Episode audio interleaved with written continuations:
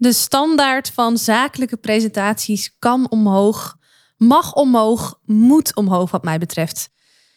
Als je mijn podcast al eh, wat vaker hebt beluisterd, dan weet je dat ik, uh, dat ik echt ja, vind dat 90, 95 procent van alle zakelijke presentaties gelijk is en ook saai is. Ze beginnen met hallo, welkom, mijn naam is. Ik ga jullie wat vertellen over. Er komt vervolgens een hele reeks aan PowerPoint slides voorbij. En aan het einde krijg je de vraag: zijn er nog vragen? En met een beetje geluk krijg je die slides ook nog opgestuurd. Ik vind dit eeuwig zonde, want ik weet dus dat het anders kan. En ik roep dit ook regelmatig. Maar ik kan me heel goed voorstellen dat als je mijn postje volgt, en dit dus al vaker gehoord hebt, dat je denkt: ja, Marije, ik snap wat je bedoelt. Alleen zo makkelijk is het helemaal niet om het anders te doen. En hoe moet ik dat dan? Hoe doe ik het anders? Wat zijn nou een aantal praktische tips die ik morgen nog toe kan passen om het verschil te maken ten opzichte van die saaie zakelijke standaard? Nou, het leek me tijd om eens een podcast voor je op te nemen met uh, drie super praktische, laagdrempelige, handige tips die je dus uh, nu al kunt toepassen in de eerstvolgende presentatie die je geeft, waarmee je ook gelijk boven dat saaie gemiddelde uit kunt stijgen, zonder dat je daar nou, denk ik tenminste, direct een cursus uh, in hoeft te volgen. Dus blijf hangen als jij eraan toe bent om het eens anders te doen dan collega's, anders te doen dan dat je zelf bent gewend en daarmee boven de rest uit te stijgen.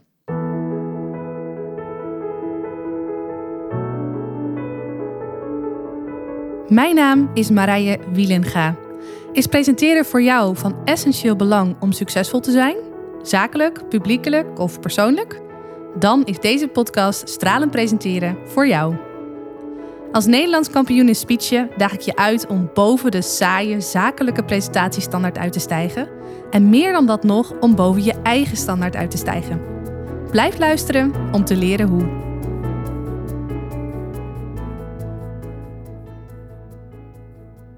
Goed, waarom de meeste zakelijke presentaties saai zijn, beneden maat zijn, heeft er alles mee te maken dat ik denk dat de voorbereiding niet optimaal wordt gedaan.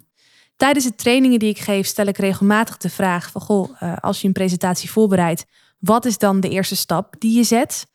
En het meest gehoorde antwoord, het meest gegeven antwoord op die vraag is dat mensen naar hun computer lopen of hun laptop openklappen, PowerPoint openen en dan beginnen met het vormgeven van hun presentatie. Ik begrijp waarom dit wordt gedaan.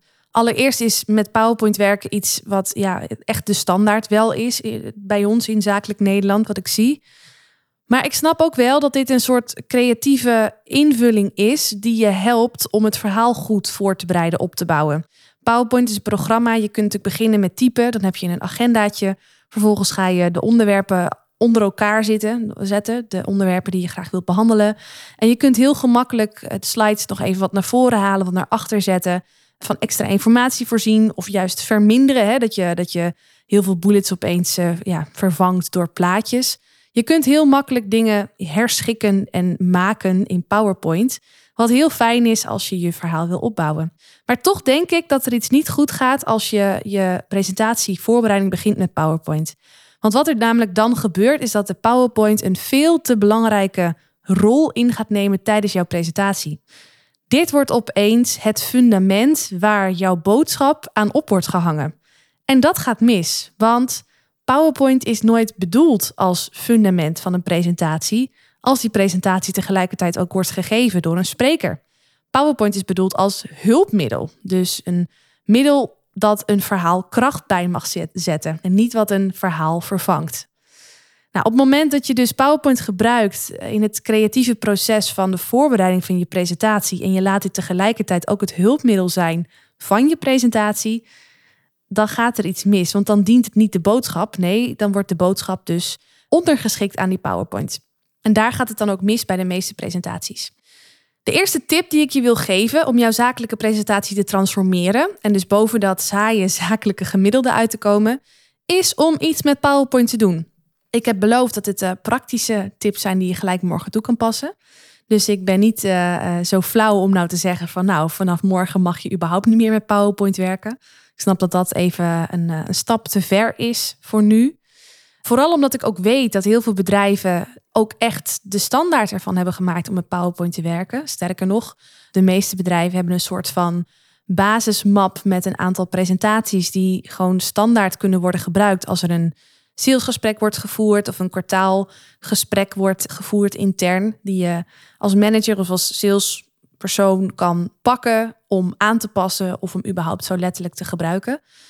Het zou dan ook heel flauw zijn als ik zou zeggen, joh, dat mag je vanaf nu niet meer doen. Dus ik spaar je. Je mag wat mij betreft wel met PowerPoint werken. Maar een eerste makkelijke stap om te zetten om een betere presentatie te geven, is om die PowerPoint die je eigenlijk zou geven tijdens je presentatie, om die niet meer tijdens je presentatie af te spelen, maar om die na je presentatie mee te geven als een handout voor jouw toehoorders. Dus je koppelt nu de PowerPoint die je hebt gemaakt, of die überhaupt al gemaakt is, misschien wel door de afdeling marketing, of de afdeling marketing in samenspraak met jou of met je collega's. Je koppelt die presentatie los van de boodschap die jij vertelt.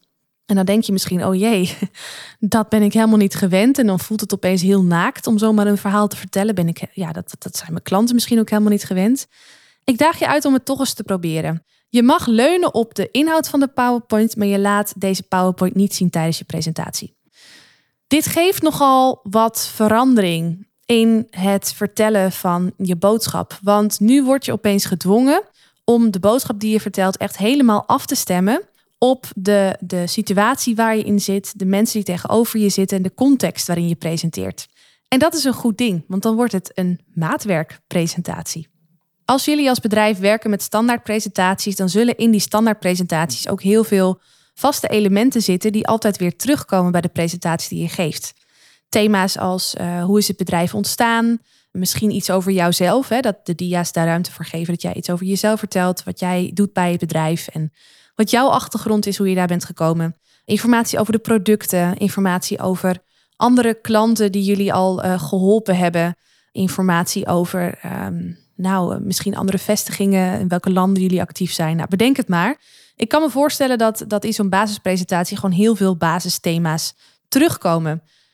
Op zich is dit heel erg mooi, alleen de kunst is denk ik om uit die basisinformatie juist die informatie te filteren die voor dat gesprek wat je gaat voeren van belang is. Of voor die presentatie die je gaat voeren van belang is. Voor die specifieke toehoorders. Nou, nu je ervoor hebt gezorgd dat de PowerPoint die je anders had gebruikt tijdens je presentatie, dat dat een handout wordt in plaats van een ondersteunend hulpmiddel, kun je opeens heel selectief gaan kijken naar die PowerPoint.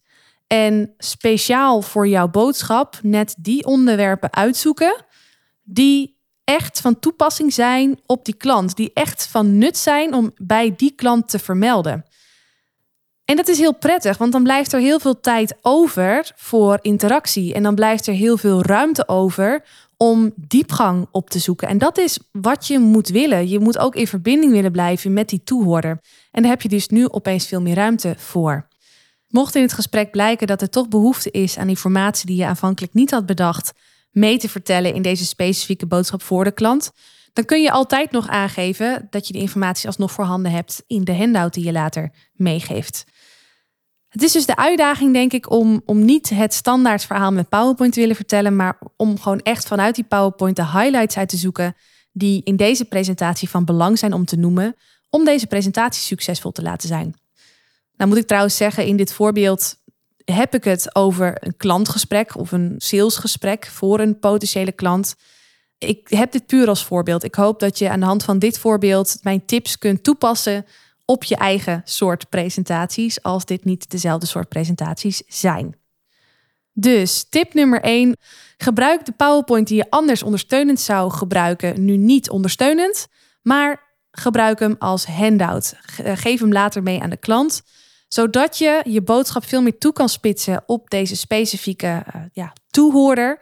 En alsnog in het naslagwerk de informatie kunt vertellen die, uh, ja, die, die toch misschien niet zo relevant is om te noemen, maar wel handig is om te weten achteraf. Ik zal je uh, bij de volgende tips nog wat meer handvatten geven die deze tip ook weer beter laten landen. Want de tweede tip om je zakelijke presentatie te transformeren is om de inhoud van je boodschap te beperken. Nou, dit valt dus heel mooi samen met de eerste tip. Wat je moet willen voorafgaand aan een presentatie is een heel specifiek doel stellen voor deze presentatie die je gaat geven. En dat doel kan drie kanten op gaan. Je wil ofwel dat je toehoorders iets gaan doen, ofwel je wil dat je toehoorders iets gaan laten, of je wilt dat je toehoorders iets nooit meer gaan vergeten. Deze theorie komt van Remco Klaassen en ik ben hem er super dankbaar voor, omdat ik in de praktijk iedere keer weer merk hoe belangrijk het is om zo'n specifiek doel te kiezen als je echt een impactvolle presentatie wil geven. Je kiest dus dat uh, je kiest dus één van die drie dingen. Mensen gaan iets of doen of laten of nooit meer vergeten. En iets wat ik, uh, wat ik vaak fout zie gaan als ik dit mijn klanten voor het eerst vertel. Let erop dat je niet alle drie tegelijkertijd wil doen. Het kan best zo zijn dat als jij als doel stelt dat mensen jouw product moeten uh, kopen. Hè, dat is dus een, een doelboodschap. Dat ze het dan indirect moeten laten om het product van de concurrent te kopen. Dat spreekt dan voor zich. Maar toch, door de keuze te maken, doen, kies voor dit product, zal je verhaal een andere invulling krijgen dan wanneer je als doel stelt: koop niet het product van de concurrent. Want bij die tweede presentatie zouden de producten van je concurrenten veel meer aan bod komen en jouw eigen product worden ondergesneeuwd. En bij de eerste soort presentatie ga je juist echt de focus leggen op jouw product en waarom jouw product beter is. Snap je? Dus de invalshoek is wel degelijk anders, terwijl je misschien indirect toch ook andere doelstellingen meepakt. Belangrijk dus, kies echt wel ofwel of doen, of laten, of nooit meer vergeten. En ga niet proberen om ze alle drie even belangrijk te maken, want dan maak je gewoon veel minder impact. Goed, dus je gaat voorafgaand aan je presentatie, ga je eerst bepalen welk doel je wil bereiken. En wat je dan mag doen is heel kritisch kijken naar alles wat je zou kunnen vertellen aan deze toehoorders. En dat ga je dan bekijken door de bril van je doel. Je gaat dus ook bepalen nu wat van alle informatie die ik zou kunnen vertellen is daadwerkelijk interessant om mijn doel te kunnen bereiken. En nou pak ik weer even deze tip samen met de eerste tip die ik heb gegeven. Als je je PowerPoint-presentatie als naslagwerk gebruikt en je gaat er even vanuit dat die PowerPoint-presentatie, die toch wellicht standaard al is gemaakt of die je toch al vrij uitgebreid van tevoren hebt gemaakt, echt heel veel informatie bevat en wellicht te veel informatie bevat, ga dan aan de hand van je doel eens kijken van oké, welke informatie uit deze PowerPoint draagt daadwerkelijk bij aan het behalen van dat doel. Want als mensen iets moeten gaan kopen, is het misschien helemaal niet interessant om iets te vertellen over de achtergrond van het verhaal. En als mensen moeten begrijpen, stel dat het om een interne presentatie gaat, dat je de kwartaalcijfers presenteert en dat de boodschap nu toch echt is, jongens, we moeten uh, dienstverlening ei meer gaan verkopen in de provincie Groningen. Ik noem maar wat. Als dat zo is, als dat is wat, wat het doel is, hè, de actie die je wilt ondernemen aan de hand van het presenteren van die kwartaalcijfers, dan is het misschien helemaal niet zo interessant om heel diep in te gaan op ehm, hoeveel meer producten X je hebt verkocht de afgelopen periode. Dan is dat wat ze later te kunnen teruglezen in de rapportage, want die rapportage zal er ongetwijfeld zijn.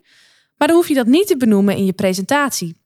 En nu snap je ook de nuance tussen de standaard PowerPoint die je wellicht anders altijd al had gebruikt en die je dan in zijn geheel zou afdraaien en zou beschrijven. En ervoor kiezen die PowerPoint als naslagwerk mee te sturen en juist je boodschap zelf, dus je mondelinge boodschap, te focussen op het doel wat je wil bereiken, maar ook de informatie die bijdraagt aan het behalen van dat doel. Je wilt dus voorkomen dat je te veel informatie gaat vertellen die misschien wel interessant is, maar niet interessant genoeg is en niet echt bijdraagt aan het behalen van dat doel. Je mag echt heel erg specifiek zijn. Kill your darlings, choose your darlings. Nee, choose your battles. Kill your darlings. Dat is wat ze dan mooi zeggen op zijn Engels. Wees gewoon super duidelijk in wat je wil bereiken met je presentatie en spits daar al je informatie op toe. En informatie die daar niet aan bijdraagt, mag je weglaten. Dat is de tweede tip. En je zult ook merken, ook met deze, dat je gewoon veel meer tijd overhoudt om dan ja, veel kernachtiger te presenteren, veel concreter te kunnen zijn. En daarmee hoeft je presentatie ook echt niet zo lang te duren als dat die zou duren als je, hè, weer even het geval van die kwartaalcijfers, alle kwartaalcijfers bij langs wil gaan. Laat dat alsjeblieft iets zijn wat mensen achteraf zelf alsnog kunnen doen. En focus jij je alsjeblieft op net die cijfers die jouw boodschap ondersteunen, het doel ondersteunen van waar de focus het volgende kwartaal mag liggen. Goed, dan mijn derde en laatste tip om die zakelijke presentatie te transformeren, om boven de saaie standaard uit te stijgen. En dat is gebruik persoonlijke anekdotes. Ga storytelling toepassen. En als je nou denkt, ja, maar wacht even, storytelling, hoe werkt dat? Heb ik nog nooit van gehoord, of misschien wel van gehoord, maar nog nooit gedaan. Ja, is veel te moeilijk. Nou, geloof me, zo moeilijk is het niet. Storytelling is namelijk niets meer of minder dan het vertellen van een verhaal. En dan is het liefst een persoonlijk verhaal. Dus laat het feit dat je misschien niet een, een ervaren storyteller bent, uh, je niet in de weg staan om toch een keer een persoonlijk verhaal of een persoonlijke grap te delen. Een andere belemmering die ik uh, je ook hoor uh, zeggen of hoor denken, tenminste, die bij mijn klanten heel erg speelt, is ja, maar eh, waarom? Want als ik kijk naar mijn collega's en als ik kijk naar mijn meerdere hiërarchisch gezien en, en naar concurrenten en überhaupt op LinkedIn, dan is het helemaal niet zo gebruikelijk om persoonlijke anekdotes te verwerken in een zakelijke presentatie die je geeft. En dan zeg ik nu, dat klopt. En dat is de reden dat zoveel presentaties onder de maat zijn. Het lijkt wel alsof we een collectieve overtuiging hebben dat een zakelijke presentatie alleen maar mag gaan over het product of over het bedrijf of over het proces, over allemaal zakelijke dingen. Dat, dat lijkt een overtuiging, want ik zie dit gewoon echt heel veel gebeuren. Ergens snap ik het ook wel, want ik kom zelf ook uit die wereld en ik heb zelf ook bijgedragen aan, het, uh, aan de saaie zakelijke presentatiestandaard. Dus ik herken de overtuiging van mijzelf ook van destijds. Alleen waar je met die overtuiging aan, aan voorbij gaat, is dat mensen eerst een klik met jou als mens moeten voelen voordat ze openstaan voor de zakelijke boodschap die je vertelt.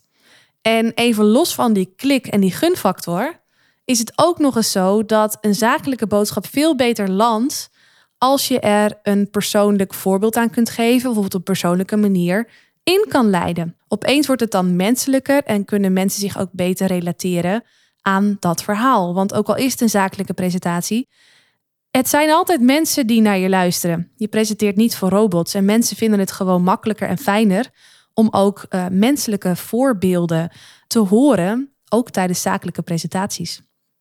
Nou, als dit een overtuiging is die, uh, die bij jou ook heel erg speelt, van ja, nou ja, bijna niemand doet het, dus waarom zou ik het dan doen? Ga dan voor jezelf eens na welke steengoede presentaties jij in het verleden wel eens hebt bijgewoond, hebt gehoord, misschien heb je ze online gezien. En ga dan eens na wat dan belangrijke elementen zijn uit die presentatie. Dit doe ik ook met mijn klanten in mijn, uh, in mijn leertraject. Die laat ik al in de eerste module een aantal hele ja, inspirerende, waardevolle speeches zien. En dan laat ik ze die ook analyseren en vertellen wat daarin gebeurt. En wat ik dan ook vaak terughoor van klanten is: Jeetje, ik heb me eigenlijk nooit zo gerealiseerd dat, nou, bijvoorbeeld storytelling zo'n typisch voorbeeld is van een tool die wordt ingezet en die bijna altijd succesvol is. He, bijna al die voorbeelden hebben ook storytelling in hun speech. Ja, en dat zegt eigenlijk al genoeg. Echt goede presentaties bestaan uit een aantal dingen en hebben dus ook vaak echt persoonlijke uh, anekdotes in de presentatie zitten. Nou, ik hoop dat dat ook de conclusie is die jij trekt als je nagaat, als je nadenkt over uh, welke speeches of presentaties jou nog zijn bijgebleven die je laatst hebt gehoord. En dan beaamt dat al dat ik gelijk heb. En anders moet je het gewoon voor me aannemen dat ik hier gelijk in heb. Persoonlijke anekdotes maken echt het verschil. Weet je, jij hebt het gevoel dat je het over jezelf hebt. Alleen wat je doet, is dat je een aantal onzichtbare haakjes uh, je publiek ingooit. Onzichtbare haakjes voor jou. En iedereen in het publiek, ieder voor zich, haakt aan op een stukje wat voor hem of haar past of zo. Als ik in een presentatie iets vertel over, uh, nou, ik noem maar wat. Ik heb een keer speech gegeven over uh, waar ik vandaan kom uit de Noordoostpolder en hoe deze is ontstaan. En dat gaf ik aan een publiek in Deventer, wat helemaal dus geen Noordoostpolder is. Dit was een speech puur voor mezelf, als in dit wilde ik gewoon graag een keer vertellen. Alleen achteraf, na die presentatie, kwamen de mensen naar mij toe die begonnen over lijntjes met mijn verhaal die ik zelf nooit had voorzien. De een kwam zelf uit de polder en de ander die, uh, die kent de orchideeënhoeven, want uh, daar is uh, die buurvrouw wel eens geweest. Ik weet niet meer precies hoor. Weer een ander had, uh, had ook weer een verhaal, want het was het asielzoekerscentrum in, in, in Luttelgeest ook niet laatst in het nieuws.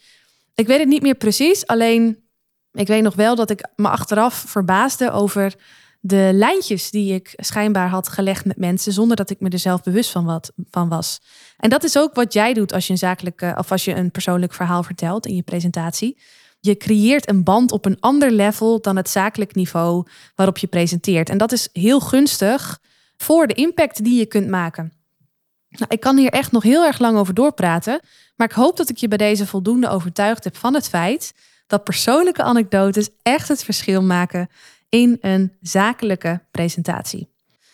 Dus, resume. Wat jij nu al kunt doen, morgen al kunt doen, misschien vanavond al kan doen, als je vanavond nog een keer een presentatie geeft. Wat je nu al kunt doen om je zakelijke presentatie te transformeren, om boven die saaie zakelijke standaard uit te komen, is één, de PowerPoint die je anders had gebruikt tegelijkertijd met presenteren, nu los te koppelen van je verhaal en achteraf als handout mee te geven. Waardoor je dus opeens heel veel ruimte hebt om de boodschap van je presentatie, om die echt naar je eigen hand te zetten. Je kunt daarbij de PowerPoint als basis gebruiken, als fundament gebruiken om dingen uit te halen. Maar je kunt de boodschap helemaal toespitsen op de eh, situatie en op de toehoorders waar jij nu voor gaat presenteren. Tweede tip luidt dat je de inhoud van je presentatie mag beperken tot net die dingen die bijdragen aan het behalen van je doel. Aan het doel wat is ofwel dat je je publiek ergens van wil overtuigen, dit moet je gaan doen. Ofwel dat je je publiek, dat je wil dat je publiek iets gaat laten, ofwel dat ze iets nooit meer mogen vergeten. Hou het lekker zuiver. Hoe beknopter jij bent, hoe duidelijker, hoe duidelijker je doel is en hoe meer toegespitst alle informatie is tot dat doel, hoe meer impact je maakt, hoe duidelijker je presentatie wordt, hoe makkelijker het ook wordt om jou te volgen. En de laatste tip: ga persoonlijke anekdotes gebruiken om het verschil te maken. En daarbij om zelf ook nog meer plezier te beleven aan het geven van een presentatie. Ga dit toepassen en ik ben ontzettend benieuwd wat deze tips in de praktijk voor jou doen. Misschien heb je vragen, omdat het misschien wat tips zijn die misschien logisch klinken, maar als je ze dan in de praktijk toe gaat passen, toch nog tot vragen leiden. Als je die vragen hebt, laat het me alsjeblieft weten, bijvoorbeeld via LinkedIn in een direct message of stuur me een mailtje via het contactformulier op de pagina. Maar ik ben natuurlijk ook heel erg benieuwd als je het hebt toegepast, hoe het voor jou heeft uitgepakt. Of je verschil hebt gemerkt ten opzichte van hoe je het misschien anders deed. Of dat je verschil merkt ten opzichte van hoe je collega's het nu doen. Die dus, als je heel eerlijk bent, wel aan die saaie zakelijke standaard nog voldoen. Laat het me alsjeblieft weten, want uh, nou, ik ben super nieuwsgierig. Voor nu wens ik je een hele fijne avond, middag, ochtend, nacht toe. En heel graag tot de volgende podcastaflevering. Doei doei! Is deze podcast waardevol voor je? Abonneer je dan op mijn kanaal om geen aflevering te hoeven missen. En als je dan toch bezig bent, geef je hem ook even 5 sterren via Apple Podcasts. Zou ik echt enorm waarderen. Dankjewel. Onthoud, je drinkt niet door met woorden, maar wel met het gevoel dat je de ander geeft. Tot de volgende aflevering. Doeg!